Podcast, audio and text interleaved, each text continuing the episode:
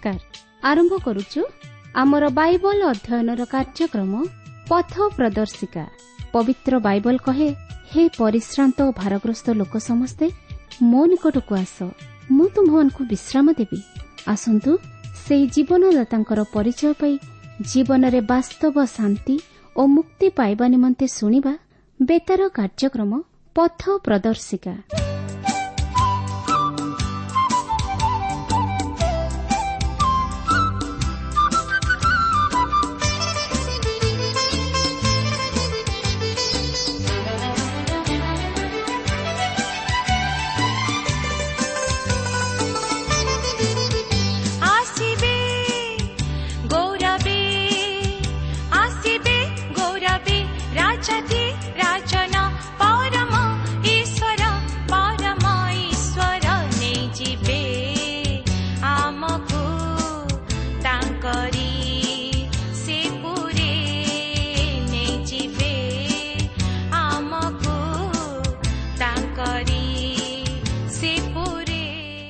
ପ୍ରିୟ ଶ୍ରୋତା ବନ୍ଧୁ ଆଜିର ଏହି ଶୁଭ ଅବସରରେ ଆମମାନଙ୍କର ସୃଷ୍ଟିକର୍ତ୍ତା ତଥା ଉଦ୍ଧାରକର୍ତ୍ତା ପ୍ରଭୁ ଯୀଶୁଖ୍ରୀଷ୍ଟଙ୍କ ବହୁମୂଲ୍ୟ ନାମରେ ଶୁଭେଚ୍ଛା ଜଣାଏ ଆଜିର ଏହି ପଥ ପ୍ରଦର୍ଶିକା କାର୍ଯ୍ୟକ୍ରମକୁ ଆପଣଙ୍କୁ ସ୍ୱାଗତ ଜଣାଏ ଆପଣଙ୍କର ସହଯୋଗ ତଥା ହୃଦୟସ୍ପର୍ଶ ସାକ୍ଷ୍ୟ ନିମନ୍ତେ ବିଶେଷ ଧନ୍ୟବାଦ ପ୍ରଭୁ ଯୀଶୁ ଯେ ଆପଣଙ୍କ ହୃଦୟରେ କଥା କହିଅଛନ୍ତି ଆଉ ସେ ଯେ ଆପଣଙ୍କର ସମସ୍ୟା ସମାଧାନ କରିଅଛନ୍ତି ତାହା ଜାଣି ଆମେ ପ୍ରଭୁଙ୍କ ନାମ ବିଶେଷ ଧନ୍ୟବାଦ ଦେଉ ପ୍ରଭୁ ଆପଣଙ୍କୁ ଆଶୀର୍ବାଦ କରନ୍ତୁ ଆହୁରି ଆହୁରି ଆତ୍ମିକ ଜୀବନ ବର୍ଦ୍ଧିଷ୍ଣୁ କରାନ୍ତୁ।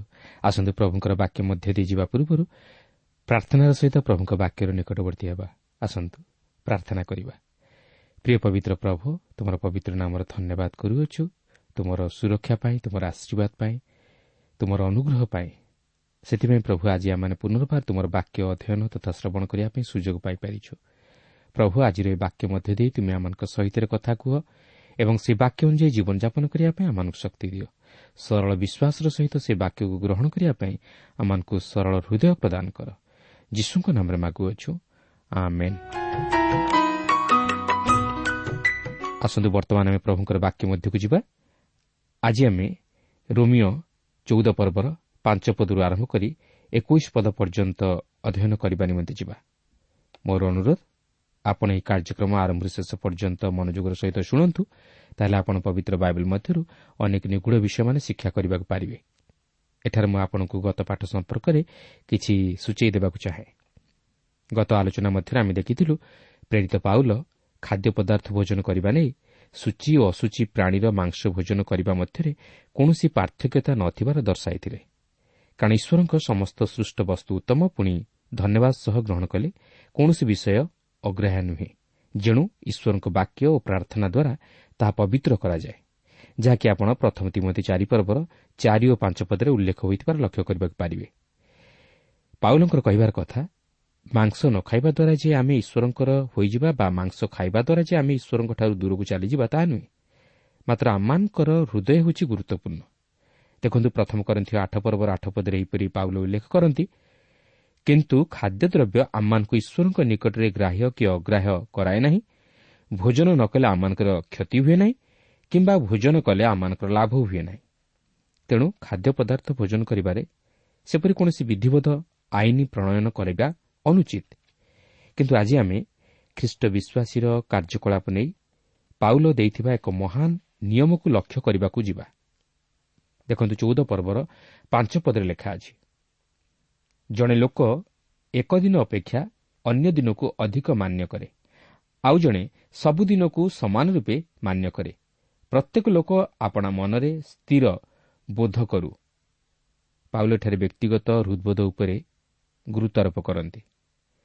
ବର୍ତ୍ତମାନ ପାଉଲ ତାହାଙ୍କର ଦୃଷ୍ଟାନ୍ତକୁ ଖାଦ୍ୟ ପଦାର୍ଥରୁ ଆଣି ଦିନଗୁଡ଼ିକ ଉପରେ ଗୁରୁତ୍ୱ ଦେଇ କରାଯାଇଥିବା ପ୍ରଶ୍ନଗୁଡ଼ିକ ଉପରେ ଆଣି ଉପସ୍ଥାପିତ କରାନ୍ତି। କେତେକ ଲୋକ କହନ୍ତି ଯେ ପ୍ରଭୁଙ୍କର ଦିନ ସମ୍ପୂର୍ଣ୍ଣ ଭିନ୍ନ। କେତେକ ବିଶ୍ୱାସୀ ବିଶ୍ରାମ ବାରକୁ ଅର୍ଥାତ୍ ରବିବାରକୁ ପ୍ରଭୁଙ୍କ ଦିନ ବୋଲି ପାଳନ କରନ୍ତି ଏବଂ ଆଉ କେତେକ ଖ୍ରୀଷ୍ଟ ବିଶ୍ୱାସୀ ଶନିବାରକୁ ପ୍ରଭୁଙ୍କ ଦିନ ବୋଲି ପାଳନ କରନ୍ତି। କିନ୍ତୁ ଦିନଟି ଭିନ୍ନ ହେବା ଉଚିତ ନୁହେଁ ମାତ୍ର ବିଶ୍ୱାସୀର ଜୀବନ ଭିନ୍ନ ହେବା ଉଚିତ। କାରଣ ଏକ ନିର୍ଦ୍ଦିଷ୍ଟ ଦିନ ଗୁରୁତ୍ୱପୂର୍ଣ୍ଣ ନୁହେଁ ମାତ୍ର ଯେଉଁଥିପାଇଁ ସେହି ଦିନଟି ନିର୍ଦ୍ଦିଷ୍ଟ ହୋଇଅଛି ତାହା ଗୁରୁତ୍ୱପୂର୍ଣ୍ଣ। ସେଥିପାଇଁ ପ୍ରେରିତ ପାଉଲ କଲସ୍ୟ ଦୁଇ ପର୍ବର ଷୋହଳ ପଦରେ ଏହିପରି ପ୍ରକାଶ କରନ୍ତି ଅତେବ ଭୋଜନ ପାନ କିମ୍ବା ପର୍ବ ପ୍ରତିପଦ ଅବା ବିଶ୍ରାମବାର ସମ୍ବନ୍ଧରେ କେହି ତୁମାନଙ୍କ ବିଚାର ନ କରୁ। ସେହିସବୁ ଆଗାମୀ ବିଷୟର ଛାୟା ମାତ୍ର କିନ୍ତୁ ବାସ୍ତବ ବିଷୟ ଖ୍ରୀଷ୍ଟ।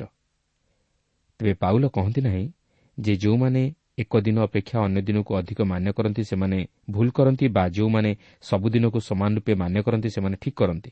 ମାତ୍ର ସେ କହିବାକୁ ଚାହାନ୍ତି ଯେ ଯେପରି ଭାବେ ପାଳନ କରୁ ତହିଁରେ କିଛି ଯାଏ ଆସେ ନାହିଁ। ମାତ୍ର ସେ ଯେଉଁପରି ଭାବେ ପାଳନ କରେ ତାହା ଠିକ୍ ବୋଲି ନିଜେ ହୃଦ୍ବୋଧ କରୁ। ଧରିନିଅନ୍ତୁ ଜଣେ ବିଶ୍ରାମ ବାରରେ ଅର୍ଥାତ୍ ରବିବାରରେ ଯାତ୍ରା କରିବା ଦ୍ୱାରା ତାହା ପ୍ରତି କୌଣସି ପ୍ରକାର ପ୍ରଭାବ ପକାଏ ନାହିଁ କି ସେ କୌଣସି ଭିନ୍ନତା ଅନୁଭବ କରେ ନାହିଁ। ମାତ୍ର ଅନ୍ୟ ଜଣେ ବିଶ୍ରାମ ବାରରେ କୌଣସି ସ୍ଥାନକୁ ଯାତ୍ରା କରିବା ଦ୍ୱାରା ତା'ର ନିଜର ବିବେକ ତାହାକୁ ଆଘାତ ଦିଏ। ତାହେଲେ ସେ ସେହି ବିଶ୍ରାମ ବାରରେ ଯାତ୍ରା କରିବା ଅନୁଚିତ। କିନ୍ତୁ ସେହି ଅନ୍ୟ ବିଶ୍ୱାସୀ ଜଣକ ଯଦି ବିଶ୍ରାମ ବାରରେ ଯାତ୍ରା କରିବା ଦ୍ୱାରା କୌଣସି ଭିନ୍ନତା ଅନୁଭବ କରେ ନାହିଁ କି ତାହାର ନିଜର ବିବେକ ତାହାକୁ କୌଣସି ଅସୁବିଧାର ସମ୍ମୁଖୀନ କରାଏ ନାହିଁ ତାହେଲେ ସେ ସେହି ବିଶ୍ରାମ ବାରରେ ଯାତ୍ରା କରିବା ଦ୍ୱାରା କିଛି କ୍ଷତି ନାହିଁ। ପାଉଲଠାରେ କହିବାକୁ ଚାହାନ୍ତି ଆମ୍ଭେମାନେ ଯାହା କିଛି କରୁ ତାହା ଯେ ଠିକ୍ ଏହା ଆମମାନଙ୍କର ନିଜ ହୃଦୟ ମଧ୍ୟ ତାହା ଠିକ୍ ବୋଲି ହୃଦ୍ବୋଧ କରିବା ଉଚିତ। ଯଦି ଆମମାନଙ୍କର ମନ କହେ ତାହା ଠିକ୍ ନାହିଁ ବୋଲି ତାହେଲେ ତାହା ନ କରିବା ଉଚିତ। ଖ୍ରୀଷ୍ଟ ବିଶ୍ୱାସୀ ନିମନ୍ତେ ଦିନ ଗୁରୁତ୍ୱପୂର୍ଣ୍ଣ ନୁହେଁ ମାତ୍ର ତାହାର ଜୀବନ ଗୁରୁତ୍ୱପୂର୍ଣ୍ଣ। ତାହାର ଜୀବନରେ ଭିନ୍ନତା ପରିଲକ୍ଷିତ ହେବା ଉଚିତ। ସେ ଈଶ୍ୱରଙ୍କ ନିମନ୍ତେ ଯାହା କିଛି କରେ ତାହା ପୂର୍ଣ୍ଣ ପ୍ରାଣରେ କରିବା ଉଚିତ। କିନ୍ତୁ ଅଧପନ୍ତରିଆ ଭାବେ ନୁହେଁ। ମୋର ପ୍ରିୟ ବନ୍ଧୁ ଆପଣ ଈଶ୍ୱରଙ୍କ ଉଦ୍ଦେଶ୍ୟରେ ଯାହା କିଛି କରନ୍ତି ତାହା ଆଗ୍ରହର ସହିତ ପୂର୍ଣ୍ଣ ପ୍ରାଣରେ କରିବା ଉଚିତ। ଦିନ ବଡ଼ ନୁହେଁ ବା ଗୁରୁତ୍ୱପୂର୍ଣ୍ଣ ନୁହେଁ ମାତ୍ର ଖ୍ରୀଷ୍ଟ ବିଶ୍ୱାସୀର ଜୀବନ ଗୁରୁତ୍ୱପୂର୍ଣ୍ଣ। କାରଣ ମନୁଷ୍ୟ ବିଶ୍ରାମବାର ନିମନ୍ତେ ନୁହେଁ ମାତ୍ର ବିଶ୍ରାମବାର ମନୁଷ୍ୟ ନିମନ୍ତେ ହୋଇଅଛି। ତେଣୁ ଏଠାରେ ପ୍ରେରିତ ପାଉଲ କହିବାକୁ ଚାହାନ୍ତି ଜଣେ ଖ୍ରୀଷ୍ଟ ବିଶ୍ୱାସୀ ଈଶ୍ୱରଙ୍କ ନିମନ୍ତେ ଯାହା କିଛି କରିବାକୁ ଚାହେଁ ସେ ପୂର୍ଣ୍ଣ ପ୍ରାଣ ତଥା ଉତ୍ସାହର ସହିତ କରିବାକୁ ଅଛି। ଅନେକ ଖ୍ରୀଷ୍ଟ ବିଶ୍ୱାସୀମାନେ ଈଶ୍ୱରଙ୍କର ଉପାସନା କରିବା ନିମନ୍ତେ ଗୀର୍ଜାଗୃହକୁ ଯାଆନ୍ତି। ମାତ୍ର ସେମାନେ ପୂର୍ଣ୍ଣ ମାତ୍ରାରେ ଈଶ୍ୱରଙ୍କ ନିକଟରେ ନିଜକୁ ସମର୍ପଣ କରିପାରନ୍ତି ନାହିଁ କି ସତ୍ୟରେ ଓ ଆତ୍ମାରେ ଉପାସନା କରିପାରନ୍ତି ନାହିଁ। ସେମାନେ ରବିବାର ଗୀର୍ଜାକୁ ଯାଆନ୍ତି ସତ ମାତ୍ର ସେମାନଙ୍କର ମନ ଅନ୍ୟ ଆଡ଼େ ଥାଏ। କିନ୍ତୁ ଏହାଦ୍ୱାରା ସେମାନେ ରବିବାର ବା ବିଶ୍ରାମବାରର ବାସ୍ତବ ଅଭିମତକୁ ସଫଳ କରିପାରନ୍ତି ନାହିଁ। ତେଣୁକରି ପାଉଲ ଏଠାରେ କହିବାକୁ ଚାହାନ୍ତି ଖ୍ରୀଷ୍ଟ ବିଶ୍ୱାସୀ କେବଳ ସେହିସବୁ ବିଷୟ କରିବା ଉଚିତ ଯେଉଁ ବିଷୟ ପ୍ରତି ସେ ନିଜକୁ ସମ୍ପୂର୍ଣ୍ଣ ଦେଇପାରିବ ଏବଂ ବିନା ଦ୍ୱିଧାରେ କରିପାରିବ। କିନ୍ତୁ ସେ ଯେଉଁ ବିଷୟ ହେଉନା କାହିଁକି? ଯଦି ସେହି ସମସ୍ତ ବିଷୟ ସାଧନ କରିବାରେ ତା ମନରେ ପ୍ରଶ୍ନ ଉଠେ ତାହେଲେ ସେ ସେହି ସମସ୍ତ ବିଷୟ ନ କରିବା ଉଚିତ କାରଣ ତାହା ପ୍ରତି ତ୍ରୁଟି ବୋଲି ବୋଧ ହୋଇପାରେ। କିନ୍ତୁ ଯଦି ସେ ସେହି ସମସ୍ତ ବିଷୟରେ ଯୋଗ ଦେବା ସହିତ ଖ୍ରୀଷ୍ଟଙ୍କ ସହିତ ଏକ ଘନିଷ୍ଠ ସମ୍ପର୍କ ରକ୍ଷା କରିଥାଏ ତାହେଲେ ସେହିସବୁ ତାହା ନିମନ୍ତେ ତ୍ରୁଟିପୂର୍ଣ୍ଣ ହୋଇନପାରେ ଅନ୍ୟ ଅର୍ଥରେ କହିବାକୁ ଗଲେ ସେ ଯେକୌଣସି କାର୍ଯ୍ୟ କରୁନା କାହିଁକି ଯଦି ସେ ଖ୍ରୀଷ୍ଟଙ୍କ ସହିତ ସଂଯୁକ୍ତ ରହିଥାଏ ଓ ଏକ ଦୃଢ଼ ସମ୍ପର୍କ ରକ୍ଷା କରିଥାଏ ତାହେଲେ ସେହି ସମସ୍ତ ବିଷୟ ତାହା ପ୍ରତି ଭୁଲ ହୋଇନପାରେ ଯଦି କୌଣସି ବିଷୟ ତାହା ମନରେ ପ୍ରଶ୍ନବାଚୀ ସୃଷ୍ଟି କରେ ତାହେଲେ ସେ ତାହା ନ କରିବା ଉଚିତ। ଏହାପରେ ଚଉଦ ପର୍ବର ଛଅ ପଦରେ ଲେଖା ଅଛି ଯେ ବିଶେଷ ଦିନ ମାନେ ସେ ପ୍ରଭୁଙ୍କ ଉଦ୍ଦେଶ୍ୟରେ ତାହା ମାନେ ଆଉ ଯେ ଭୋଜନ କରେ ସେ ପ୍ରଭୁଙ୍କ ଉଦ୍ଦେଶ୍ୟରେ ଭୋଜନ କରେ କାରଣ ସେ ଈଶ୍ୱରଙ୍କୁ ଧନ୍ୟବାଦ ଦିଏ ପୁଣି ଯିଏ ଭୋଜନ କରେ ନାହିଁ ସେ ପ୍ରଭୁଙ୍କ ଉଦ୍ଦେଶ୍ୟରେ ଭୋଜନ କରେ ନାହିଁ ଓ ଈଶ୍ୱରଙ୍କୁ ଧନ୍ୟବାଦ ଦିଏ ଏଠାରେ ଗୁରୁତ୍ୱପୂର୍ଣ୍ଣ ବିଷୟ ହେଉଛି ଯେ ସେହି ଦିନକୁ ପ୍ରଭୁଙ୍କ ଉଦ୍ଦେଶ୍ୟରେ ପାଳନ କରାଯିବା ଉଚିତ ଖ୍ରୀଷ୍ଟ ବିଶ୍ୱାସୀ ଯାହା କିଛି କରୁନା କାହିଁକି ମାତ୍ର ସେ ଯଦି ବିଶ୍ରାମବାରରେ ପ୍ରଭୁ ଯୀଶୁଖ୍ରୀଷ୍ଟଙ୍କୁ ଆପଣା ସହିତରେ ନେଇ ପ୍ରାର୍ଥନାରେ ସମୟ ଦିଏ ତାହେଲେ ତାହା ଅତି ସୁନ୍ଦର ବିଷୟ ଆହୁରି ମଧ୍ୟ ଯିଏ ଭୋଜନ କରେ ସେ ତା'ର ହୃଦୟ ମଧ୍ୟରୁ ଈଶ୍ୱରଙ୍କୁ ଧନ୍ୟବାଦ ଦିଏ ଓ ଯିଏ ଭୋଜନ ନ କରେ ସେ ମଧ୍ୟ ହୃଦୟ ମଧ୍ୟରୁ ପ୍ରଭୁଙ୍କୁ ଧନ୍ୟବାଦ ଦିଏ। କାରଣ ସେହି ମେଜରେ ଥିବା ଖାଦ୍ୟ ପଦାର୍ଥ ବଡ଼ ବିଷୟ ନୁହେଁ ମାତ୍ର ତାହାର ହୃଦୟ ହେଉଛି ବଡ଼ ବିଷୟ ଯାହାକି ଈଶ୍ୱର ନିରୀକ୍ଷଣ କରନ୍ତି। ଈଶ୍ୱର ଆମମାନଙ୍କର ବାହିକ ରୀତିନୀତିକୁ ଦେଖନ୍ତି ନାହିଁ ମାତ୍ର ସେ ଆମମାନଙ୍କର ହୃଦୟକୁ ଦେଖନ୍ତି। ଆମମାନଙ୍କର ହୃଦୟର ସୂଚିତା ହେଉଛି ସବୁଠାରୁ ଗୁରୁତ୍ୱପୂର୍ଣ୍ଣ ବିଷୟ। ଏହା ହେଉଛି ହୃଦୟର ସ୍ୱଭାବ ଯାହାକି ଖ୍ରୀଷ୍ଟୀୟ ଆଚାର ବ୍ୟବହାରକୁ ପ୍ରକଟିତ କରେ। ସାତ ପଦରୁ ନଅ ପଦରେ ଲେଖା ଅଛି କାରଣ ଆମମାନଙ୍କ ମଧ୍ୟରୁ କେହି ଆପଣା ଉଦ୍ଦେଶ୍ୟରେ ବଞ୍ଚେ ନାହିଁ ଏବଂ ଆପଣା ଉଦ୍ଦେଶ୍ୟରେ ମରେ ନାହିଁ। ଯେଣୁ ଯଦି ଆମମାନେ ବଞ୍ଚୁ ତେବେ ପ୍ରଭୁଙ୍କ ଉଦ୍ଦେଶ୍ୟରେ ବଞ୍ଚୁ କିମ୍ବା ଯଦି ମରୁ ତେବେ ପ୍ରଭୁଙ୍କ ଉଦ୍ଦେଶ୍ୟରେ ମରୁ। ଅତଏବ ଯଦି ଆମମାନେ ବଞ୍ଚୁ କିମ୍ବା ମରୁ ଆମ୍ଭେମାନେ ପ୍ରଭୁଙ୍କର ଅଟୁ। କାରଣ ଖ୍ରୀଷ୍ଟ ଯେପରି ମୃତ ଓ ଜୀବିତ ଉଭୟଙ୍କ ପ୍ରଭୁ ହୁଅନ୍ତି। ସେହି ଉଦ୍ଦେଶ୍ୟରେ ସେ ମୃତ୍ୟୁଭୋଗ କଲେ ପୁଣି ପୁନର୍ଜୀବିତ ହେଲେ। ପୀଡ଼ିତ ପାଉଲ ଏଠାରେ ପ୍ରକାଶ କରନ୍ତି କାରଣ ଆମମାନଙ୍କ ମଧ୍ୟରୁ କେହି ଆପଣା ଉଦ୍ଦେଶ୍ୟରେ ବଞ୍ଚେ ନାହିଁ ଏବଂ ଆପଣା ଉଦ୍ଦେଶ୍ୟରେ ମରେ ନାହିଁ। ତେବେ ଏହି ଅଂଶଟି ସାଧାରଣତଃ ଆମମାନଙ୍କର ଜୀବନ ଯେ ଅନ୍ୟମାନଙ୍କ ଜୀବନ ପ୍ରତି ପ୍ରଭାବ ପକାଏ ଏହି ଭାବଧାରା ନେଇ ଉପସ୍ଥାପିତ କରାଯାଏ। ମାତ୍ର ଏହି ଅଂଶରେ ଏହାର ଭାବଧାରା ଭିନ୍ନ ପ୍ରକାର। ଘଟଣା ହେଉଛି ଆମ୍ଭେମାନେ ଖ୍ରୀଷ୍ଟ ବିଶ୍ୱାସୀ ହିସାବରେ ଖ୍ରୀଷ୍ଟଙ୍କଠାରୁ ଦୂରବର୍ତ୍ତୀ ଜୀବନଯାପନ କରିପାରିବା ନାହିଁ ବା ଖ୍ରୀଷ୍ଟଙ୍କଠାରୁ ପୃଥକ ହୋଇ ରହିପାରିବା ନାହିଁ। ଯଦିବା ଆମେ ବଞ୍ଚୁ ତାହେଲେ ଆମମାନେ ତାହାଙ୍କ ନିମନ୍ତେ ବଞ୍ଚିବାକୁ ହେବ ଓ ଯଦିବା ଆମେ ମରୁ ତାହେଲେ ଆମମାନଙ୍କୁ ତାହାଙ୍କ ନିମନ୍ତେ ମରିବାକୁ ହେବ। ଆମମାନଙ୍କର ଖ୍ରୀଷ୍ଟୀୟ କାର୍ଯ୍ୟକଳାପ ଆମମାନଙ୍କର ଖାଦ୍ୟ ପଦାର୍ଥ ଭୋଜନ କରିବାକୁ ନେଇ ମପାଯାଏ ନାହିଁ। ମାତ୍ର ଆମମାନଙ୍କର ଜୀବନ ଯେ ଖ୍ରୀଷ୍ଟଙ୍କଠାରେ ଅଛି ତଦନୁଯାୟୀ ମପାଯାଏ। ତାହା ହେଉଛି ସବୁଠାରୁ ଗୁରୁତ୍ୱପୂର୍ଣ୍ଣ ବିଷୟ। କାରଣ ଆମ୍ଭମାନଙ୍କୁ ଦିନେ ଆମମାନଙ୍କର କର୍ମର ନିକାଶ ଦେବାକୁ ହେବ ଆମମାନଙ୍କୁ ଆମମାନଙ୍କର କଲାକର୍ମର ପ୍ରତିଫଳ ଭୋଗ କରିବାକୁ ହେବ ସେଥିପାଇଁ ଦ୍ୱିତୀୟ କରନ୍ଥୀୟ ପାଞ୍ଚ ପର୍ବର ଦଶ ପଦରେ ଲେଖା ଅଛି କାରଣ ଭଲ ହେଉ ବା ମନ୍ଦ ହେଉ ପ୍ରତ୍ୟେକ ଜଣ ଆପଣା ଶରୀର ଦ୍ୱାରା କୃତ କର୍ମାନୁସାରେ ଫଳ ପାଇବା ନିମନ୍ତେ ଖ୍ରୀଷ୍ଟଙ୍କ ବିଚାରାସନ ଛାମୁରେ ଆମ ସମସ୍ତଙ୍କୁ ପ୍ରକାଶିତ ହେବାକୁ ହେବ।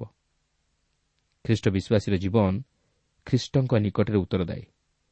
ସେହି ସମୟରେ ଆପଣଙ୍କୁ ଆପଣଙ୍କ ମେଜର ଖାଦ୍ୟ ପଦାର୍ଥ ଭୋଜନ କରିବା ନେଇ କେହି ପ୍ରଶ୍ନ କରିବେ ନାହିଁ। ମାତ୍ର ତାହାଙ୍କ ସହିତ ଆପଣଙ୍କର ସମ୍ପର୍କକୁ ନେଇ ପ୍ରଶ୍ନ କରାଯିବ। ଆପଣ ମାଂସ ଭୋଜନ ନ କରିବା ବିନା ଈଶ୍ୱର ବିହୀନ ହୋଇପାରିବେ ଏବଂ ମାଂସ ଭୋଜନ କରିବା ଦ୍ୱାରା ମଧ୍ୟ ଈଶ୍ୱର ବିହୀନ ହୋଇପାରିବେ। କାରଣ ଖାଦ୍ୟ ପଦାର୍ଥ ଆପଣଙ୍କୁ ଈଶ୍ୱରଙ୍କର ନିକଟବର୍ତ୍ତୀ କରାଇପାରେ ନା କି ଈଶ୍ୱରଙ୍କର ଗ୍ରାହ୍ୟ ଧାର୍ମିକତା ସାଧନ କରିପାରେ ନା। ମାତ୍ର ଖ୍ରୀଷ୍ଟଙ୍କ ସହିତ ଆପଣଙ୍କର ବ୍ୟକ୍ତିଗତ ସମ୍ପର୍କ ଯାହାକି ହୃଦୟର ସମ୍ପର୍କ। ଖ୍ରୀଷ୍ଟଙ୍କର ମୃତ୍ୟୁ ଓ ପୁନରୁତ୍ଥାନ ମୃତ ଓ ଜୀବିତମାନଙ୍କ ଉପରେ ତାହାଙ୍କର କର୍ତ୍ତାପଣକୁ ପ୍ରକାଶ କରେ। କାରଣ ସେ ମୃତ୍ୟୁକୁ ଜୟ କରି ପୁନରୁତ୍ଥିତ ହୋଇଥିବାରୁ ମୃତ ଓ ଜୀବିତମାନଙ୍କର ପ୍ରଭୁ ଅଟନ୍ତି ଓ ମୃତ୍ୟୁ ତଥା ଜୀବନର କର୍ତ୍ତା ଅଟନ୍ତି। କାରଣ ସେହି ଉଦ୍ଦେଶ୍ୟରେ ସେ ମୃତ୍ୟୁ ଭୋଗ କଲେ ଓ ପୁନର୍ଜୀବିତ ହେଲେ। ଏହାପରେ ଚଉଦ ପର୍ବର ଦଶରୁ ବାର ପଦ ମଧ୍ୟରେ ଲେଖା ଅଛି କିନ୍ତୁ ତୁମ୍ଭେ କାହିଁକି ଆପଣା ଭାଇର ବିଚାର କରୁଅଛ? କିମ୍ବା ତୁମେ କାହିଁକି ଆପଣା ଭାଇକୁ ତୁଚ୍ଛ କରୁଅଛ? ଆମ୍ଭେମାନେ ସମସ୍ତେ ତ ଈଶ୍ୱରଙ୍କ ବିଚାରସନ ଛାମୁରେ ଠିଆ ହେବା। ଯେଉଁ ଲେଖା ଅଛି ପ୍ରଭୁ କହନ୍ତି ଆମ୍ଭେ ଜୀବିତ ଥିବା ପ୍ରମାଣେ ପ୍ରତ୍ୟେକ ଜାନୁ ଆମ୍ଭ ଛାମୁରେ ନତ ହେବ ଆଉ ପ୍ରତ୍ୟେକ ଜୁହା ଈଶ୍ୱରଙ୍କ ପ୍ରଶଂସା କରିବ। ଅତଏବ ଆମମାନଙ୍କର ପ୍ରତ୍ୟେକ ଜଣକୁ ଈଶ୍ୱରଙ୍କ ଛାମୁରେ ନିଜ ନିଜର ହିସାବ ଦେବାକୁ ହେବ। ଲେଖା ଅଛି କିନ୍ତୁ ତୁମେ କାହିଁକି ଆପଣ ଭାଇର ବିଚାର କରୁଅଛ? ଆପଣଙ୍କର ମନେଥିବ ପ୍ରଭୁ ଯୀଶୁ ସେହି ଫାଳୁସୀମାନଙ୍କୁ କହିଥିଲେ ଯେଉଁମାନେ କି ସେହି ବେଭିଚାଣୀ ସ୍ତ୍ରୀକୁ ପଥର ଫୋପାଡ଼ିବା ନିମନ୍ତେ ଚାହିଁଥିଲେ। ତୁମାନଙ୍କ ମଧ୍ୟରେ ଯେ ନିଷ୍ପାପି ସେ ପ୍ରଥମରେ ତାହା ଉପରେ ପଥର ପକାଉ। କିନ୍ତୁ ସେମାନଙ୍କ ମଧ୍ୟରୁ କେହି ଜଣେ ହେଲେ ତାହା ଉପରେ ପଥର ଫୋପାଡ଼ିବାକୁ ସାହସ କଲେ ନାହିଁ ଯେହେତୁ ସେମାନଙ୍କ ମଧ୍ୟରେ ଜଣେ ହେଲେ ନିଷ୍ପାପି ନଥିଲେ। ପ୍ରିୟ ବନ୍ଧୁ ଆମେ ପ୍ରତ୍ୟେକ ନିଜ ନିଜର ଜୀବନକୁ ସମୀକ୍ଷା କରିବା ଉଚିତ ଓ ଆମ ପ୍ରତ୍ୟେକଙ୍କୁ ତାହାଙ୍କ ନିକଟରେ ଯେ ଉତ୍ତର ଦେବାକୁ ହେବ ତାହା ଜାଣି ରଖିବା ଉଚିତ। କିନ୍ତୁ ଆମେ ଅନ୍ୟର ବିଚାର କରିବା ଉଚିତ ନୁହେଁ ମାତ୍ର ଆମେ ନିଜେ ନିଜର ବିଚାର କରିବା ଉଚିତ। ମୁଁ ନିଜ ବିଷୟରେ ତାହାଙ୍କୁ କି ଉତ୍ତର ଦେବି ତାହା ମୁଁ ନିଜେ ଜାଣେ ନା। ତାହେଲେ ମୁଁ କିପରି ଅନ୍ୟର ବିଚାର କରିପାରିବି? ବାସ୍ତବରେ ମୁଁ ନିଜେ ନିଜ ବିଷୟରେ ଭାବି ଆଶ୍ଚର୍ଯ୍ୟ ହୁଏ। ଆମେ ପ୍ରତ୍ୟେକ ନିଜେ ନିଜକୁ ଦେଖିବା ଉଚିତ ଓ ସଂଶୋଧିତ କରିବା ଉଚିତ। ଯେହେତୁ ମୁଁ ନିଜେ ନିଜ ବିଷୟରେ ତାହାଙ୍କ ନିକଟରେ ଉତ୍ତର ଦାଏ କିନ୍ତୁ ଅନ୍ୟର ବିଷୟରେ ନୁହେଁ କାରଣ ସେ ସମସ୍ତଙ୍କର ବିଚାରକର୍ତ୍ତା ସମସ୍ତେ ତାହାଙ୍କ ନିକଟରେ ଉତ୍ତର ଦାଏ ତେଣୁ ପ୍ରିୟ ବନ୍ଧୁ ଆମେ ସଦାସର୍ବଦା ନିଜର ଜୀବନକୁ ଦେଖିବା ଉଚିତ ଓ ନିଜକୁ ସଂଶୋଧିତ କରିବା ଉଚିତ ଯେହେତୁ ଆମ ପ୍ରତ୍ୟେକ ଜଣକୁ ଈଶ୍ୱରଙ୍କ ଛାମୁରେ ନିଜ ନିଜର ହିସାବ ଦେବାକୁ ହେବ। ତେବେ ମୁଁ କହୁନାହିଁ ଆମେ ଅନ୍ୟକୁ ଶିକ୍ଷା ବା ପରାମର୍ଶ ଦେବା ନାହିଁ ବୋଲି କିମ୍ବା ଅନ୍ୟର ଜୀବନକୁ ସଂଶୋଧିତ କରିବା ନାହିଁ ବୋଲି ମାତ୍ର ଅନ୍ୟର ଜୀବନକୁ ସଂଶୋଧନ କରିବା ପୂର୍ବରୁ ନିଜେ ନିଜ ଜୀବନ ନିମନ୍ତେ ସତର୍କ ହେବା ଉଚିତ ଓ ନିଜକୁ ପ୍ରଥମେ ସଂଶୋଧିତ କରିବା ଉଚିତ ଯେହେତୁ ଆମ ପ୍ରତ୍ୟେକଙ୍କୁ ତାହାଙ୍କ ନିକଟରେ ନିଜ ନିଜର ହିସାବ ଦେବାକୁ ହେବ। ଚଉଦ ପର୍ବର ତେର ପଦରେ ଲେଖା ଅଛି ଏଣୁ ଆସ ଆମମାନେ ଆଉ ପରସ୍ପରର ବିଚାର ନ କରୁ ମାତ୍ର କେହି ଯେପରି ଆପଣା ଭାଇର ବାଟରେ ବାଧାଜନକ କିମ୍ବା ବିଘ୍ନଜନକ ବିଷୟ ନ ରଖେ ଏହା ତୁମେମାନେ ବିଚାର କର।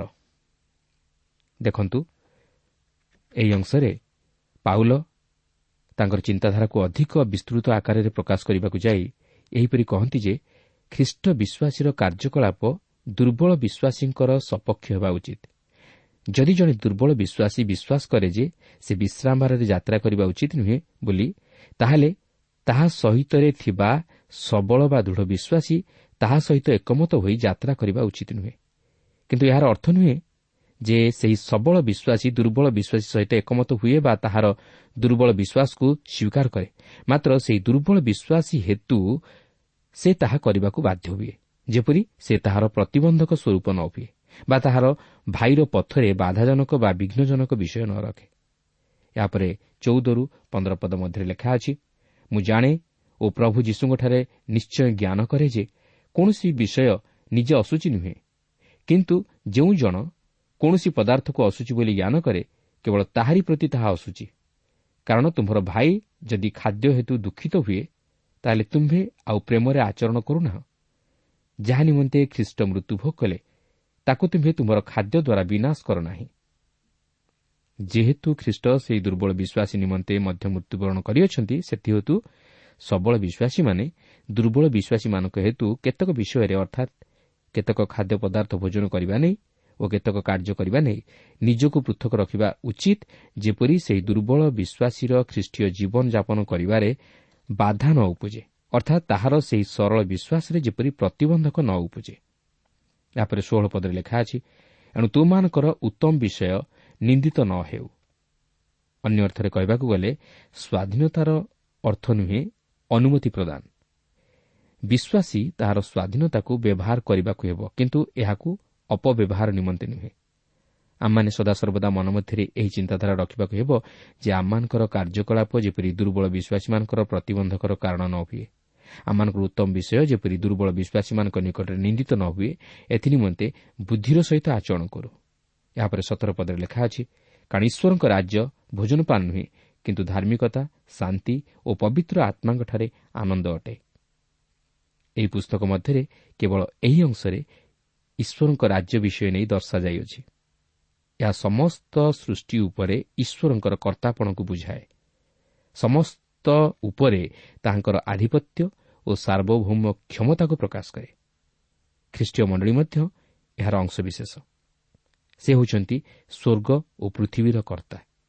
ମାତ୍ର ଏହି ଈଶ୍ୱରଙ୍କ ରାଜ୍ୟ ମଧ୍ୟରେ ଏକ ସ୍ୱର୍ଗୀୟ ଜୀବନର ସ୍ତର ଅଛି ଯେଉଁଠାରେ କି ଈଶ୍ୱର ତାହାଙ୍କର ବାକ୍ୟ ଓ ଆତ୍ମାଙ୍କ ଦ୍ୱାରା ଶାସନ କରନ୍ତି। ଆଉ ତାହା ଖ୍ରୀଷ୍ଟ ବିଶ୍ୱାସୀର ଜୀବନରେ ସେ ତାହା ସାଧନ କରନ୍ତି। ସେଥିପାଇଁ ପ୍ରଭୁ ଯୀଶୁ କହନ୍ତି ଯାହାକି ଜୋହନ ତିନି ପର୍ବର ତିନି ପଦରେ ଲେଖା ଅଛି ଯୀଶୁ ତାହାଙ୍କୁ ଉତ୍ତର ଦେଲେ ସତ୍ୟ ସତ୍ୟ ମୁଁ ତୁମକୁ କହୁଅଛି ପୁନର୍ବାର ଜନ୍ମ ନ ହେଲେ କେହି ଈଶ୍ୱରଙ୍କ ରାଜ୍ୟ ଦେଖିପାରେ ନାହିଁ। ଏହା ହିଁ ହେଉଛି ସ୍ୱର୍ଗୀୟ ଜୀବନର ସ୍ତର ଯେଉଁଠାରେ କି ଈଶ୍ୱରଙ୍କ ବାକ୍ୟ ଓ ଆତ୍ମା କାର୍ଯ୍ୟ ସାଧନ କରନ୍ତି। ଷ୍ଟିଫଲର ମଧ୍ୟ ଏହିପରି କହନ୍ତି ଈଶ୍ୱର ପ୍ରତ୍ୟେକ ସ୍ଥାନରେ କର୍ତ୍ତୃତ୍ୱ କରନ୍ତି। ମାତ୍ର ଏପରି ସ୍ଥାନ ଅଛି ଯେଉଁଠାରେ କି ସେ କେବଳ ଆତ୍ମିକ ଶକ୍ତିଗୁଡ଼ିକ ସାହାଯ୍ୟରେ ବା ବ୍ୟବସ୍ଥା ଅନୁଯାୟୀ କାର୍ଯ୍ୟ ସାଧନ କରନ୍ତି ଯାହାକି ବିଶ୍ୱାସୀମାନଙ୍କର ଜୀବନରେ ସେ ତାହା ସାଧନ କରନ୍ତି। ମନୁଷ୍ୟ ସେହି ଈଶ୍ୱରଙ୍କ ରାଜ୍ୟରେ ପ୍ରବେଶ କରିବା ପାଇଁ ବା ତାହା ଦେଖିବା ପାଇଁ ପୂରାପୂରି ଅକ୍ଷମ ଯଦି ସେ ଆତ୍ମିକ ଜୀବନରେ ନୂତନୀକୃତ ହୋଇନଥାଏ ବା ଆତ୍ମିକ ଜୀବନରେ ନୂତନ ସ୍ୱଭାବ ଧାରଣ କରି ପୁନର୍ଜନ୍ମ ପ୍ରାପ୍ତ ହୋଇନଥାଏ ଏହି ରାଜ୍ୟ ସହିତ ଖାଇବା ପିଇବା ଉପବାସ କରିବା ମାଂସ ଖାଇବା ବା ନ ଖାଇବା ନିରାମିଷ ଭୋଜନ କରିବା ବା ନ କରିବା ସୂଚି ବା ଅସୂଚି ଖାଦ୍ୟ ପଦାର୍ଥ ଭୋଜନ କରିବାର କୌଣସି ସମ୍ପର୍କ ନାହିଁ। ତାହା ଆପଣଙ୍କର ରୁଚି ବା ବିଶ୍ୱାସ ଉପରେ ନିର୍ଭର କରେ। କିନ୍ତୁ ଏହା ଆପଣଙ୍କୁ ଈଶ୍ୱରଙ୍କ ରାଜ୍ୟର ଅଧିକାରୀ କରାଇପାରେ ନାହିଁ। ଈଶ୍ୱରଙ୍କ ରାଜ୍ୟର ଅଧିକାରୀ ହେବାକୁ ହେଲେ ହୃଦୟର ସୂଚି ଓ ପବିତ୍ରତା ବା ପରିବର୍ତ୍ତନ ଆବଶ୍ୟକ। କିନ୍ତୁ ଏହି ସମସ୍ତ ପ୍ରକାର ବାହିକ ରୀତିନୀତି ଈଶ୍ୱରଙ୍କ ରାଜ୍ୟର ଅଧିକାରୀ କରାଇପାରିବ ନାହିଁ। କିନ୍ତୁ ଧାର୍ମିକତା ଶାନ୍ତି ଓ ପବିତ୍ର ଆତ୍ମାଙ୍କଠାରେ ଆନନ୍ଦ ହିଁ ତାହାକୁ ଈଶ୍ୱରଙ୍କ ରାଜ୍ୟର ଅଧିକାରୀ କରାଇଥାଏ। ଧାର୍ମିକତା ତାହା ହେଉଛି ଏହି ଧାର୍ମିକତା ଯାହାକି ରୋମିଓ ପ୍ରଥମ ପର୍ବ ଓ ତିନି ପର୍ବରେ ଦେଖିସାରିଛୁ ଏହାର ଅର୍ଥ ହେଉଛି ଈଶ୍ୱରଙ୍କ ସହିତ ସଂଯୁକ୍ତ ଜୀବନଯାପନ କରିବା ଓ ତାହାଙ୍କ ଦୃଷ୍ଟିରେ ଠିକ୍ ଦେଖାଯିବା। ଏହାର ଅର୍ଥ ଏକ ଜୀବନ ଯାହାକି ଈଶ୍ୱରଙ୍କର ସନ୍ତୋଷଭାଜନ ଓ ଈଶ୍ୱରଙ୍କର ମନର ମତ ପବିତ୍ର ଆତ୍ମାଙ୍କଠାରେ ଆନନ୍ଦ। ଯାହାକି ଧାର୍ମିକତା ସହିତ ଯୋଗାଯୋଗ ରକ୍ଷା କରେ ଓ ପବିତ୍ର ଆତ୍ମାଙ୍କ ଚଳନରେ ପରିଚାଳିତ ହୁଏ। ଏହା ଆମମାନଙ୍କର ଚାଲିଚଳନ ଓ ବ୍ୟବହାରିକ ଜୀବନକୁ ପ୍ରକାଶ କରେ ଯାହାକି ପବିତ୍ର ଆତ୍ମାଙ୍କ ଦ୍ୱାରା ନିୟନ୍ତ୍ରିତ। ଏହା ଆମମାନଙ୍କର ନୈତିକତାକୁ ଉପସ୍ଥାପିତ କରେ। ଆଉ ସେହି ଆନନ୍ଦ ମଧ୍ୟ ପବିତ୍ର ଆତ୍ମାଙ୍କର ଫଳକୁ ଦର୍ଶାଏ ଯାହାକି ଜଣେ ଖ୍ରୀଷ୍ଟ ବିଶ୍ୱାସୀ ଜୀବନରେ ପରିଲକ୍ଷିତ ହୁଏ। କିନ୍ତୁ ଦୁଃଖର ବିଷୟ ଏହି ଆନନ୍ଦ ଖ୍ରୀଷ୍ଟ ବିଶ୍ୱାସୀର ଜୀବନରେ ଅନେକ ସମୟରେ ଦେଖାଯାଇ ନଥାଏ କିନ୍ତୁ ଆମମାନଙ୍କ ଜୀବନରେ ଆନନ୍ଦ ପରିଲକ୍ଷିତ ହେବା ଉଚିତ ଯାହାକି ହୃଦୟରୁ ବାହାରେ ଓ ତାହା କେବଳ ସେହିମାନଙ୍କ ଜୀବନରେ ପରିଲକ୍ଷିତ ହୁଏ ଯେଉଁମାନେ ପବିତ୍ର ଆତ୍ମାଙ୍କ ଶକ୍ତି ଦ୍ୱାରା ପରିଚାଳିତ ହୁଅନ୍ତି ଓ ତାହାଙ୍କର ଇଚ୍ଛା ଅନୁଯାୟୀ କାର୍ଯ୍ୟ କରନ୍ତି। ଶାନ୍ତି। ଏହା ମଧ୍ୟ ପବିତ୍ର ଆତ୍ମାଙ୍କର ଫଳ ଅଟେ ଯାହାକି ଜଣେ ଖ୍ରୀଷ୍ଟ ବିଶ୍ୱାସୀ ସେହି ଶାନ୍ତି ପ୍ରାପ୍ତ ହୋଇଥାଏ ଓ ଶାନ୍ତି ରକ୍ଷା କରିଥାଏ। ଯେଉଁମାନେ ଏହି ଧାର୍ମିକତା ଶାନ୍ତି ଓ ପବିତ୍ର ଆତ୍ମାଙ୍କର ଚାଳନାରେ ଚାଳିତ ହୋଇ ଆନନ୍ଦର ସହିତ ନିଜର ଜୀବନକୁ ଅତିବାହିତ କରନ୍ତି ସେମାନେ ସେହି ରାଜ୍ୟର ଅଧିକାରୀ ହୁଅନ୍ତି। ଈଶ୍ୱର ତାହା ହିଁ ଆମ ପ୍ରତ୍ୟେକ ଜୀବନରୁ ଆଶା କରନ୍ତି। ପ୍ରିୟ ବନ୍ଧୁ ଆଜି କିନ୍ତୁ ଲୋକେ ନିଜର ଦେଶ ପାଇଁ ଜୀବନ ଦେବାକୁ ପଛଘୁଞ୍ଚା ଦିଅନ୍ତି ନାହିଁ ମାତ୍ର ଖ୍ରୀଷ୍ଟଙ୍କ ନିମନ୍ତେ ଜୀବନ ଦେବାକୁ ପଛଘୁଞ୍ଚା ଦିଅନ୍ତି। ଆଜି ଲୋକେ ଦେଶକୁ ପ୍ରେମ କରନ୍ତି ମାତ୍ର ଖ୍ରୀଷ୍ଟଙ୍କୁ ପ୍ରେମ କରନ୍ତି ନାହିଁ। କି ଖ୍ରୀଷ୍ଟଙ୍କ ପ୍ରେମର ବାସ୍ତବତାକୁ ଉପଲବ୍ଧି କରିବାକୁ ଚାହାନ୍ତି ନାହିଁ। ନିଜର ଦେଶକୁ ରକ୍ଷା କରିବାକୁ ଚାହାନ୍ତି ବା ନିଜ ଧର୍ମର ଟେକ ରଖିବାକୁ ଚାହାନ୍ତି। ମାତ୍ର ମନୁଷ୍ୟର ଜୀବନ ନିମନ୍ତେ ଚିନ୍ତିତ ନୁହନ୍ତି କି ମନୁଷ୍ୟକୁ ବିନାଶର ପଥରୁ ରକ୍ଷା କରିବାକୁ ଚାହାନ୍ତି ନାହିଁ। ମାତ୍ର ପବିତ୍ର ବାଇବଲ କହେ ଆମେ ଯେପରି ଅନ୍ୟର ବିଘ୍ନର କାରଣ ନ ହେଉ ବା ଅନ୍ୟର ବିଶ୍ୱାସର ପଥରେ ପ୍ରତିବନ୍ଧକର କାରଣ ନ ହେଉ ଓ ଅନ୍ୟର ବିନାଶର କାରଣ ନ ହେଉ ଦେଶର ଉନ୍ନତି ତଥା ଅଗ୍ରଗତିର ପଥରେ ମନୁଷ୍ୟର ନୈତିକ ଜୀବନର ଯଥେଷ୍ଟ ଅବଦାନ ରହିଅଛି। ନୈତିକ ଜୀବନର ଅଧପତନ ହେଲେ ଦେଶ ତଥା ସମାଜ ଓ ପରିବାରର ମଧ୍ୟ ଅଧପତନ ଘଟେ। ତେଣୁ ଆସୁ କେବଳ ନିଜର ଦେଶ ସମାଜ ତଥା ପରିବାର ପାଇଁ ନ ବଞ୍ଚି ଈଶ୍ୱରଙ୍କ ରାଜ୍ୟ ନିମନ୍ତେ ବଞ୍ଚୁ। କାରଣ ଆମ ପ୍ରତ୍ୟେକଙ୍କୁ ଈଶ୍ୱରଙ୍କ ଛାମୁରେ ନିଜ ନିଜର ହିସାବ ଦେବାକୁ ହେବ। ତେଣୁ ନିଜ ନିଜକୁ ପ୍ରଶ୍ନ କରୁ ଯେ ଆମେ ଈଶ୍ୱରଙ୍କ ପାଇଁ କ'ଣ କରିପାରିଛୁ ଓ ସେହି ରାଜ୍ୟରେ ପ୍ରବେଶ କରିବା ନିମନ୍ତେ କ'ଣ ସକ୍ଷମ ହୋଇପାରିଛୁ? ଆଜି ଯଦି ଆମେ ଏହି ଜଗତରୁ ବିଦାୟ ନେଉ ତାହେଲେ ଆମମାନଙ୍କର ସ୍ଥାନ କେଉଁଠି? ପ୍ରଭୁ ଆମ ପ୍ରତ୍ୟେକଙ୍କୁ ସେହି ଆତ୍ମସମୀକ୍ଷା କରିବା ନିମନ୍ତେ ସୁଯୋଗ ଦିଅନ୍ତୁ। ଦେଖନ୍ତୁ ଏହାପରେ ଚଉଦ ପର୍ବର ଅଠର ପଦରେ ଲେଖା ଅଛି ଯେଣୁ ଯେ ଏହି ବିଷୟରେ ଖ୍ରୀଷ୍ଟଙ୍କର ସେବା କରେ ସେ ଈଶ୍ୱରଙ୍କ ନିକଟରେ ସୁଗ୍ରାହ୍ୟ ଓ ମନୁଷ୍ୟମାନଙ୍କ ନିକଟରେ ପରୀକ୍ଷା ସିଦ୍ଧ ହୁଏ। ଏଠାରେ ଯେଉଁ ଏହି ବିଷୟରେ ଖ୍ରୀଷ୍ଟଙ୍କର ସେବା କରେ ବୋଲି ଲେଖା ଅଛି ଏହା ସେହି ସତର ପଦରେ ଉଲ୍ଲେଖ ହୋଇଥିବା ବିଷୟକୁ ପ୍ରକାଶ କରେ ଆଉ ତାହା ହେଉଛି ଧାର୍ମିକତା ଶାନ୍ତି ଓ ପବିତ୍ର ଆତ୍ମାଙ୍କଠାରେ ଆନନ୍ଦ ଯାହାକି ଜଣେ ଖ୍ରୀଷ୍ଟ ବିଶ୍ୱାସୀକୁ ଈଶ୍ୱରଙ୍କ ରାଜ୍ୟର ଅନ୍ତର୍ଭୁକ୍ତ କରାଇଥାଏ। ତେବେ ଘଟଣା ହେଉଛି ପ୍ରଭୁ ଶ୍ରୀଖ୍ରୀଷ୍ଟ ଭୋଜନ ପାନରେ ସେବିତ ପୂଜିତ ହୁଅନ୍ତି ନାହିଁ ମାତ୍ର ତାହାଙ୍କ ପ୍ରତି ଆମମାନଙ୍କର ସେବା ଧାର୍ମିକତା ଶାନ୍ତି ଓ ପବିତ୍ର ଆତ୍ମାଙ୍କଠାରେ ଆନନ୍ଦ ବିଷୟକୁ ଧରି ରଖିବା ଉଚିତ। ଏହିସବୁ ଦ୍ୱାରା ଜଣେ ଖ୍ରୀଷ୍ଟ ବିଶ୍ୱାସୀ ଈଶ୍ୱରଙ୍କ ନିକଟରେ ସୁଗ୍ରାହ୍ୟ ଓ ମନୁଷ୍ୟମାନଙ୍କ ନିକଟରେ ପରୀକ୍ଷା ସିଦ୍ଧ ହୋଇପାରିବ। ତେବେ ଏହି ମନୁଷ୍ୟମାନଙ୍କ ନିକଟରେ ପରୀକ୍ଷା ସିଦ୍ଧ ବିଷୟର ଅର୍ଥ ନୁହେଁ ଯେ ଆପଣ ଜଣେ ଖ୍ରୀଷ୍ଟ ବିଶ୍ୱାସୀ ବୋଲି ଲୋକମାନେ ଆପଣଙ୍କର ଉତ୍ତମ ବିଷୟ ଦେଖି ଆପଣଙ୍କର ପ୍ରଶଂସା ବା ସୁଖ୍ୟାତି କରିବେ। ମାତ୍ର ଏପରିକି ସେମାନେ ଆପଣଙ୍କୁ ତାଡ଼ନା ମଧ୍ୟ ଦେଇପାରନ୍ତି। କିନ୍ତୁ ଏହିସବୁ ସତ୍ୟ ମଧ୍ୟ ଯେତେବେଳେ ସେମାନେ ଆପଣଙ୍କୁ ତୁଚ୍ଛ ବା ଘୃଣା କରନ୍ତି ତଥାପି ସେମାନେ ଆପଣଙ୍କୁ ଜଣେ ବାସ୍ତବ ଖ୍ରୀଷ୍ଟ ବିଶ୍ୱାସୀ ବୋଲି ମାନନ୍ତି ବା ସ୍ୱୀକାର କରନ୍ତି। ସୁନାକୁ ଯେପରି ନିଆଁରେ ପରୀକ୍ଷା କରାଯାଏ ସେହିପରି ଖ୍ରୀଷ୍ଟ ବିଶ୍ୱାସୀର ଜୀବନ ପରୀକ୍ଷା ସିଦ୍ଧ ହୁଏ। ଏହା ହିଁ ହେଉଛି ଖ୍ରୀଷ୍ଟୀୟ କାର୍ଯ୍ୟକଳାପ ବା ଆଚାର ବ୍ୟବହାରର ଏକ ମହାନ ନିୟମ। କାରଣ ଜଣେ ଖ୍ରୀଷ୍ଟ ବିଶ୍ୱାସୀର କାର୍ଯ୍ୟକଳାପ ଓ କଥାବାର୍ତ୍ତା ଈଶ୍ୱରଙ୍କର ସନ୍ତୋଷଜନକ ହେବା ଉଚିତ ଓ ଲୋକମାନଙ୍କ ନିକଟରେ ଆଦୃତ ହେବା ଉଚିତ ଓ ଲୋକମାନଙ୍କ ମୁଖ ଦ୍ୱାରା ସ୍ୱୀକୃତି ପ୍ରାପ୍ତ ହେବା ଉଚିତ। ଅର୍ଥାତ୍ ଲୋକମାନେ ସେହି ଖ୍ରୀଷ୍ଟ ବିଶ୍ୱାସୀକୁ ବାସ୍ତବ ଖ୍ରୀଷ୍ଟ ବିଶ୍ୱାସୀ ବୋଲି ମାନିବା ଉଚିତ ବା ସ୍ୱୀକାର କରିବା ଉଚିତ। ଅନ୍ୟ ଅର୍ଥରେ କହିବାକୁ ଗଲେ ଜଣେ ଖ୍ରୀଷ୍ଟ ବିଶ୍ୱାସୀ ଏହିପରି ଜୀବନଯାପନ କରିବା ଉଚିତ ଯେପରି ସେ ଈଶ୍ୱରଙ୍କ ନିକଟରେ ଓ ମନୁଷ୍ୟମାନଙ୍କ ନିକଟରେ ବାସ୍ତବ ଖ୍ରୀଷ୍ଟ ବିଶ୍ୱାସୀର ପରିଚୟ ଦେଇପାରେ ଓ ଆଚାର ବ୍ୟବହାର ପ୍ରଦର୍ଶିତ କରିପାରେ ଯେପରି ସେ ଈଶ୍ୱରଙ୍କ ନିକଟରେ ଗୃହୀତ ହେବା ସଙ୍ଗେ ସଙ୍ଗେ ମନୁଷ୍ୟମାନଙ୍କ ନିକଟରେ ନିଜକୁ ପ୍ରମାଣିତ କରିପାରେ। ଏହାପରେ ଉଣେଇଶ ପଦରେ ଲେଖା ଅଛି ଅତଏବ ଆସ ଯେ ଯେ ବିଷୟ ଶାନ୍ତିଜନକ ଆଉ ଯେ ଯେ ବିଷୟ ଦ୍ୱାରା ପରସ୍ପର ନିଷ୍ଠା ହୁଏ ସେହିସବୁର ଆମେମାନେ ଅନୁଗମନ କରୁ। ଏଠାରେ ଆମେ ଦୁଇ ପ୍ରକାରର ଉପଦେଶ ଦିଆଯାଇଥିବାର ଲକ୍ଷ୍ୟ କରୁଅଛୁ। ପ୍ରଥମତଃ ଯେ ଯେ ବିଷୟ ଶାନ୍ତିଜନକ ସେହିସବୁର ଆମମାନେ ଅନୁଗମନ କରୁ। ଅର୍ଥାତ୍ ଖ୍ରୀଷ୍ଟ ବିଶ୍ୱାସୀ ହିସାବରେ ଆମମାନଙ୍କୁ ଶାନ୍ତି ରକ୍ଷା କରିବାକୁ ହେବ ଓ ଶାନ୍ତିର ଅନୁଗାମୀ ହେବାକୁ ହେବ। ଏହାର ଅର୍ଥ ଜଣେ ଖ୍ରୀଷ୍ଟ ବିଶ୍ୱାସୀ ଖାଦ୍ୟ ପଦାର୍ଥ ବା ଅନ୍ୟ କୌଣସି ଶାରୀରିକ ବିଷୟ ବ୍ୟବହାର କରିବା ନେଇ କୌଣସି ଯୁକ୍ତି ବାଢ଼ିବା ଉଚିତ ନୁହେଁ ଯାହାକି ଆଉ ଜଣେ ଖ୍ରୀଷ୍ଟ ବିଶ୍ୱାସୀ ପ୍ରତି ପ୍ରତିବନ୍ଧକ ସ୍ୱରୂପ ହୁଏ। ଜଣେ ଖ୍ରୀଷ୍ଟ ବିଶ୍ୱାସୀ ଏହି ପ୍ରକାର ଚିନ୍ତାଧାରା ଦୂର କରିବା ନିମନ୍ତେ ଚେଷ୍ଟା କରିବା ଉଚିତ। କାରଣ ଏହାଦ୍ୱାରା ପରସ୍କର ମଧ୍ୟରେ ମତଭେଦ ତଥା ଅଶାନ୍ତି ସୃଷ୍ଟି ହୁଏ। ଦ୍ୱିତୀୟତଃ ଜଣେ ଖ୍ରୀଷ୍ଟ ବିଶ୍ୱାସୀ ଧାର୍ମିକତା ଶାନ୍ତି ଓ ପବିତ୍ରତା ବା ପବିତ୍ର ଆତ୍ମାଙ୍କଠାରେ ଆନନ୍ଦ କରିବା ବିଷୟର ଅନୁଗାମୀ ହେବା ଆବଶ୍ୟକ। ଅର୍ଥାତ୍ ସେହିସବୁ ଆତ୍ମିକ ବିଷୟର ଅନୁକାରୀ ହେବା ଆବଶ୍ୟକ। କାରଣ ଏହି ସମସ୍ତ ବିଷୟ ଯାହାକି ଖ୍ରୀଷ୍ଟ ବିଶ୍ୱାସୀମାନଙ୍କୁ ଆତ୍ମିକ ଜୀବନରେ ବର୍ଦ୍ଧିଷ୍ଣୁ ହେବା ନିମନ୍ତେ ବିଶେଷ ସାହାଯ୍ୟ କରେ। କିନ୍ତୁ ଅନର୍ଥକ ଯୁକ୍ତି ବା ବାହିକ ନୀତି ନିୟମ ପାଳନ ଉପରେ ଗୁରୁତ୍ୱ ଦେଇ ନିଜ ନିଜ ମଧ୍ୟରେ ତିକ୍ତତା ବା ଅଶାନ୍ତି ବଢ଼ାଇବା ଠିକ୍ ନୁହେଁ। ତେଣୁ ଆସୁ ଯେ ଯେ ବିଷୟ ଶାନ୍ତିଜନକ ଆଉ ଯେ ଯେ ବିଷୟ ଦ୍ୱାରା ପରସ୍ପରର ନିଷ୍ଠା ହୁଏ ସେହିସବୁର ଆମମାନେ ଅନୁଗମନ କରୁ। ପରସ୍ପରକୁ ଉତ୍ସାହିତ କରୁ ଓ ପରସ୍ପର ମଧ୍ୟରେ ଶାନ୍ତି ରକ୍ଷା କରିବାକୁ ଚେଷ୍ଟା କରୁ ଓ ସମସ୍ତ ବିଷୟରେ ଖ୍ରୀଷ୍ଟଙ୍କୁ ଗୌରବ ଦେଇ ତାହାଙ୍କର ଆଜ୍ଞା ପାଳନରେ ବ୍ରତୀ ହେଉ ଓ ଈଶ୍ୱରଙ୍କର ଗ୍ରାହ୍ୟ ଧାର୍ମିକତା ଶାନ୍ତି ରକ୍ଷା କରି ଓ ପବିତ୍ର ଆତ୍ମାଙ୍କଠାରେ ସ୍ଥିର ରହି ତାହାଙ୍କଠାରେ ଆନନ୍ଦ କରି ଈଶ୍ୱରଙ୍କ ନିକଟରେ ସୁଗ୍ରାହ୍ୟ ହେଉ। ଏହାପରେ କୋଡ଼ିଏ ପଦରେ ଲେଖା ଅଛି ଖାଦ୍ୟ ସକାଶେ ଈଶ୍ୱରଙ୍କର କର୍ମ ନଷ୍ଟ କର ନାହିଁ। ସମସ୍ତ ବିଷୟ ଅବଶ୍ୟ ସୂଚି ତଥାପି ଯେଉଁ ଲୋକ ଯାହା ଭୋଜନ କରି ବାଧା ପାଏ ତାହା ପକ୍ଷରେ ତାହା ମନ୍ଦ। ଲେଖା ଅଛି ଖାଦ୍ୟ ସକାଶେ ଈଶ୍ୱରଙ୍କର କର୍ମ ନଷ୍ଟ କର ନାହିଁ। ପ୍ରକୃତରେ ବିଶ୍ୱାସୀ ମାଂସ ଭୋଜନ କରିପାରେ କିମ୍ବା ନ କରିପାରେ। କିନ୍ତୁ ଏହି ସମସ୍ତ ତାହାକୁ ଈଶ୍ୱରଙ୍କ ନିକଟବର୍ତ୍ତୀ କରାଇପାରେ ନାହିଁ। ତେଣୁକରି ଜଣେ ସବଳ ଖ୍ରୀଷ୍ଟ ବିଶ୍ୱାସୀ ଶାରୀରିକ ପରିତୃପ୍ତି ନିମନ୍ତେ ଜଣେ ଦୁର୍ବଳ ବିଶ୍ୱାସୀର ହୃଦୟରେ ଈଶ୍ୱରଙ୍କ କର୍ମକୁ ନଷ୍ଟ କରିବା ଉଚିତ ନୁହେଁ। କାରଣ ଯଦି ମାଂସ ଭୋଜନ କରିବା ଦ୍ୱାରା ତାହାର ନିଜର ବିବେକ ତାହାକୁ ବାଧା ଦିଏ ତାହେଲେ ତାହା ତାହା ପ୍ରତି ମନ୍ଦ ସେ ତାହା ଭୋଜନ ନ କରିବା ଉଚିତ। କିନ୍ତୁ ସେହି ବିଷୟ ଉପରେ ଗୁରୁତ୍ୱ ଦେଇ ଈଶ୍ୱରଙ୍କ କାର୍ଯ୍ୟରେ ପ୍ରତିବନ୍ଧକ ସୃଷ୍ଟି କରିବା ଉଚିତ ନୁହେଁ। ତାଛଡ଼ା ସେ ମଧ୍ୟ ମାଂସ ଭୋଜନ କରୁଥିବା ବିଶ୍ୱାସୀ ସହିତ ସେହି ମାଂସ ଭୋଜନ କରିବା ନେଇ ଯୁକ୍ତି ବାଢ଼ି ଈଶ୍ୱରଙ୍କ କାର୍ଯ୍ୟରେ ପ୍ରତିବନ୍ଧକ ସୃଷ୍ଟି କରିବା ବା ଈଶ୍ୱରଙ୍କ କର୍ମକୁ ନଷ୍ଟ କରିବା ଉଚିତ ନୁହେଁ। କିନ୍ତୁ ସମସ୍ତ ବିଷୟ ଅବଶ୍ୟ ସୂଚି ଜଣକ ନିମନ୍ତେ ଯାହା କ୍ଷିରିସା ହୋଇପାରେ ଅନ୍ୟ ଜଣଙ୍କ ନିମନ୍ତେ ତାହା ବିଶ୍ୱ ହୋଇପାରେ। ଏହାପରେ ଚଉଦ ପର୍ବରେ ଏକୋଇଶ ପଦେ ଲେଖା ଅଛି ମାଂସ ଭୋଜନ କିମ୍ବା ଦ୍ରାକ୍ଷାରସ ପାନ ଅବା ଯେକୌଣସି ବିଷୟରେ ତୁମ୍ଭର ଭାଇର ବାଧା ଜନ୍ମେ ତାହା ନ କଲେ ଭଲ। ଆମମାନେ ପ୍ରତ୍ୟେକ ନିଜ ନିଜର ଭାଇର ବିଘ୍ନର କାରଣ ନ ହେବା ଉଚିତ।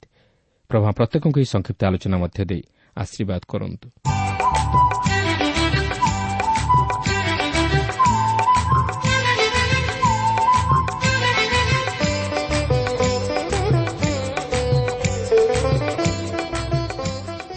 ଶ୍ରୋତା ଆମର କାର୍ଯ୍ୟକ୍ରମ ନିୟମିତ ଶୁଣୁଥିବାରୁ ଅଶେଷ ଧନ୍ୟବାଦ।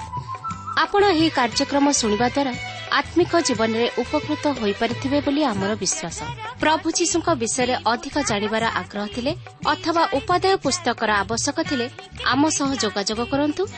ଆମର ଠିକଣା ପଥ ପ୍ରଦର୍ଶିକା Trans World Radio India post box number ତିନି ତିନ ଭୁବନେଶ୍ୱର ସାତ ପାଞ୍ଚ ଏକ ଶୂନ ଶୂନ ଏକ। Mobile number nine seven double seven double two one four one five. ଠିକଣାଟି ଆଉଥରେ ଶୁଣନ୍ତୁ। পথ প্রদর্শিকা Trans World Radio India post box number three three Bhubaneswar seven five one zero zero one mobile number nine seven double seven double two one four one five আমার email আড্রেসটি লিখি রাখন্তু Odia TV at radio eight eight two dot com তেবে আজ বিদায় দিন্তু নমস্কার